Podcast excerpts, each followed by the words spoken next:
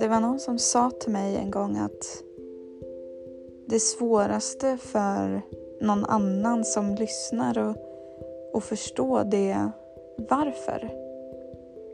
Att andra människor som inte upplever de här känslorna som jag gör ständigt utgår ifrån varför. Varför blev jag arg? Varför blev jag ledsen? Varför är jag glad? Varför gör jag så där? Varför resonerar jag så där?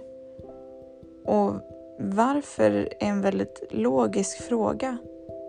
Och egentligen den enda rätta frågan att ställa för att verkligen kunna få ett svar och, och kunna analysera vad det är som faktiskt pågår i kroppen och om det som pågår i kroppen verkligen är någonting att lyssna på. Men så funkar det inte riktigt för någon med den här personlighetstypen för att i just den stunden så finns det inget varför. Åtminstone inget logiskt, var logiskt varför. Det här är bara en ren känsloreaktion. En känsla som triggas och sätter igång en massa tankar och tankar som bara snurrar runt, runt, runt och leder till andra känslor som triggar andra tankar och till slut triggar handlingar.